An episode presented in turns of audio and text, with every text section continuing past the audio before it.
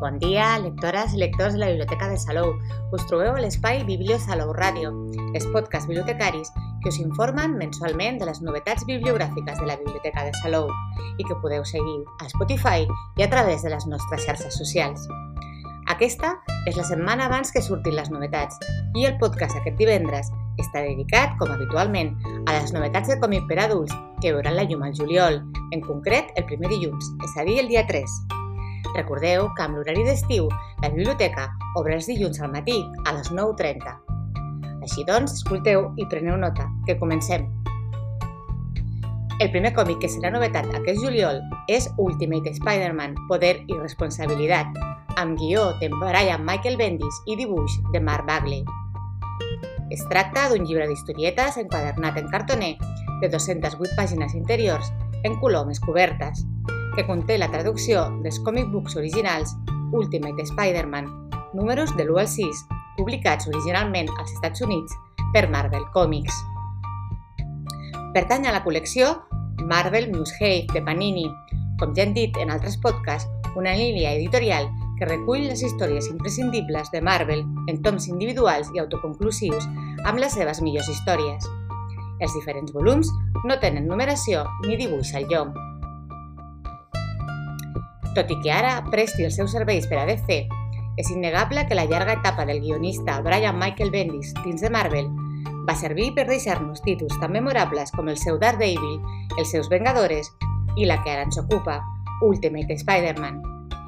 En un mitjà com el còmic, que es reinventa contínuament per seguir captant noves generacions de lectors, el concepte de reset semblava la solució perfecta per fer taula rasa i guanyar-se el favor dels joves que començaven a interessar-se pels còmics el ja llunyà any 2000. El concepte de multivers està avui a l'ordre del dia, però al començament de segle no compreníem gaire bé què és el que ens oferia Bendis. Qui era aquest nou Peter Parker? Quina relació tenia el que estaven llegint amb l'univers Marvel de tota la vida? Bendis tenia totes les respostes, que s'accessarien als lectors amb un dels experiments més memorables de la història de l'editorial – la sèrie que ara ens porta Panini dins del seu segell Marvel Must-Have inaugurava la que després seria batejada com a Tierra 1610, o el que és el mateix, l'univers Ultimate. Aquesta versió definitiva dels herois de tota la vida naixia amb la intenció sala d'aconseguir personatges i històries més moderns i adequats als lectors més joves, que s'havien convertit en els nous lectors de l'editorial.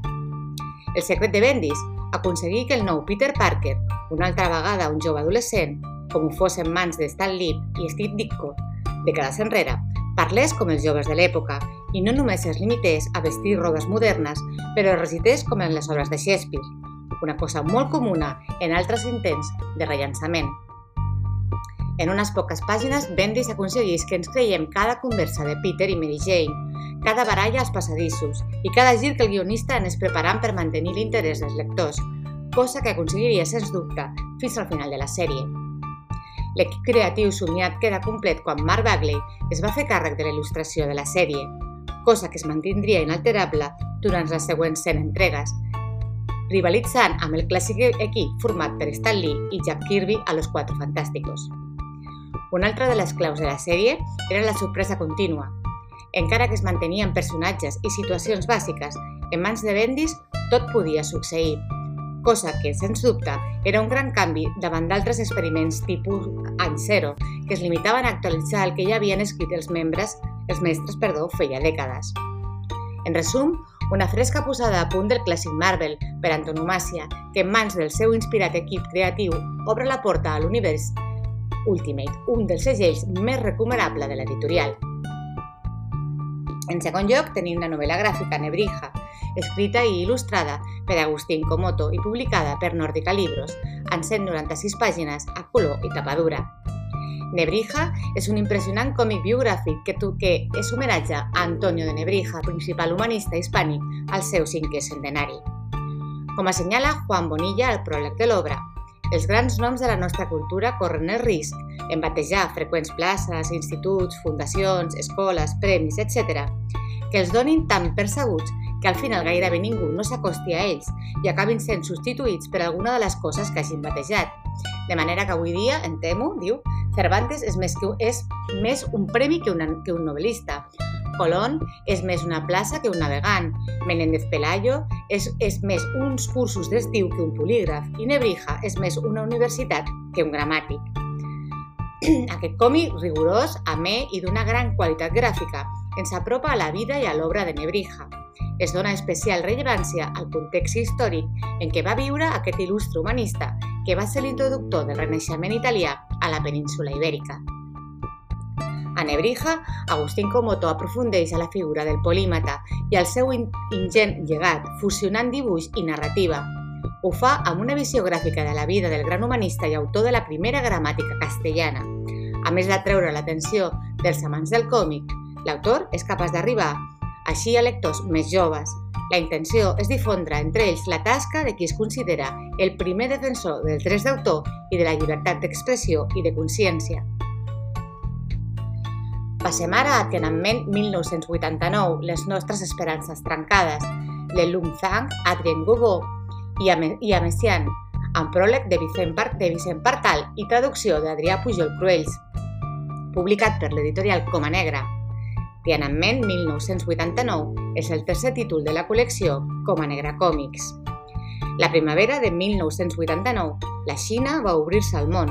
Amb els conservadors i els reformistes enfrontats, el cor de Pequín esdevé l'epicentre de les protestes de milers d'estudiants que, en unes manifestacions sense precedents, demanen un progrés democràtic visible.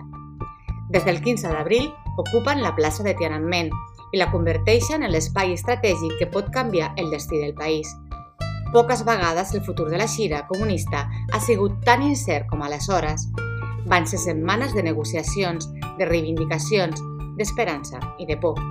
Però després de vagues de fam i de manifestacions que la llei marcial no va poder aturar, el patriarca del Partit Comunista, Deng Xiaoping, va enviar l'exèrcit amb tancs a la plaça per massacrar els que l'ocupaven pacíficament.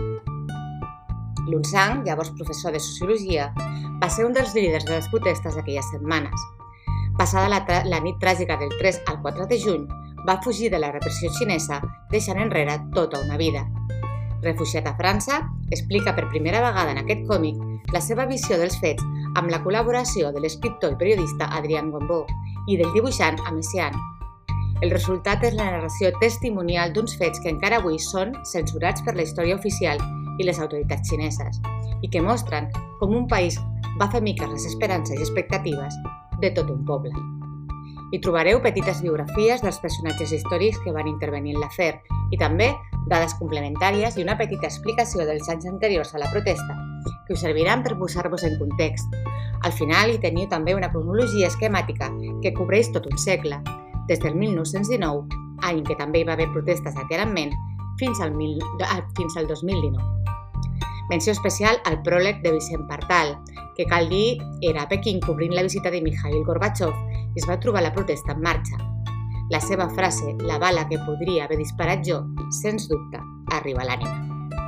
L'obra està editada en color, tapa dura i consta de 110 pàgines. Per acabar, tenim el manga Seinen Sekisei Inco Integral, volum 2, escrit i il·lustrat per Ken Wakui, autor de Tokyo Revengers, i publicat per Norma. El primer volum, també disponible a la biblioteca, va ser editat el desembre de 2022 i aquest segon i darrer tom el passat març. Editat en tapa tova i blanc i negre, consta de 464 pàgines. Recordem l'argument del primer volum. Una noia ha mort en circumstàncies misterioses. Nana Caneda, el jove que l'acompanya quan va morir, company de classe i parella, n'ha perdut tots els records. No només desconeix el que ha passat, sinó que ni tan sols sap qui és. Quan vol tornar a la normalitat, coneix memòria, un ens en forma de lluna creixent que diu ser la personificació dels records del nana i assegura habitar a la seva ment, una figura enigmàtica que redefineix el seu dia a dia. Els fets continuen en aquest segon i últim volum. Nana Caneda es troba a l'epicentre de dues incògnites, la mort de la seva nòvia i la pèrdua dels seus records. S'hi afegeix memòria, el misteriós ens que només existeix als seus ulls. Una parella d'assaltants agredeix Caneda amb una cosa que anomenen bugs, el deixen greument ferit i a la vora de la mort. És aleshores quan Memòria fa acte de presència en posseir el seu cos. I és aleshores també quan Caneda comença a recordar qui és. Per tant, a mesura que es vagi succeint els capítols, la història comença a allunyar-se força de la simple recerca d'un assassí. Tindrem batalles amb poders psíquics, la recerca de la immortalitat i un enfrontament entre organitzacions secretes que van iniciar la seva rivalitat durant la guerra russo-japonesa a Manxúria. Sekisei Yinko es va publicar al Japó entre desembre del 2013 i març del 2015 a la revista Weekly Young Magazine de l'editorial Kodansha.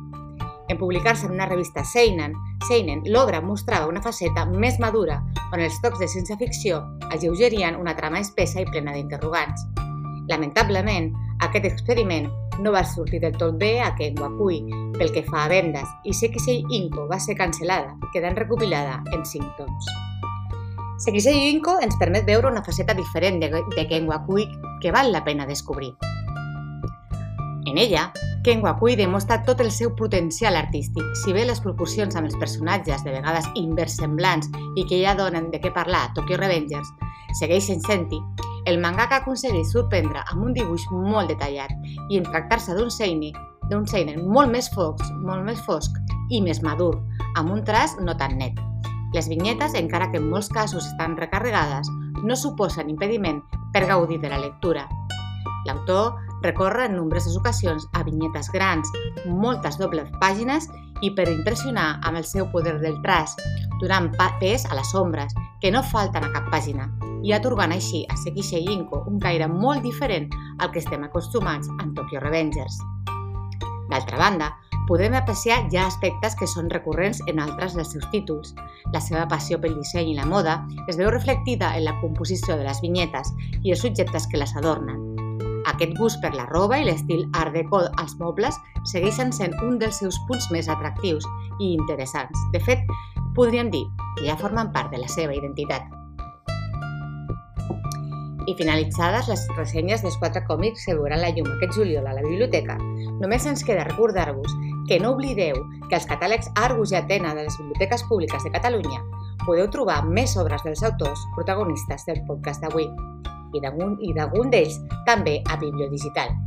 Així com que si esteu interessats o interessades en saber més d'ells o les seves obres, doneu un cop d'ull a les xarxes socials perquè la majoria hi són presents. I fins aquí el podcast d'avui.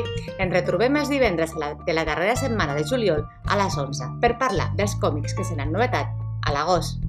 Que tingueu molt bon dia i molt bones lectures que us acompanyin en el dia a dia. Poseu-vos a la fresca.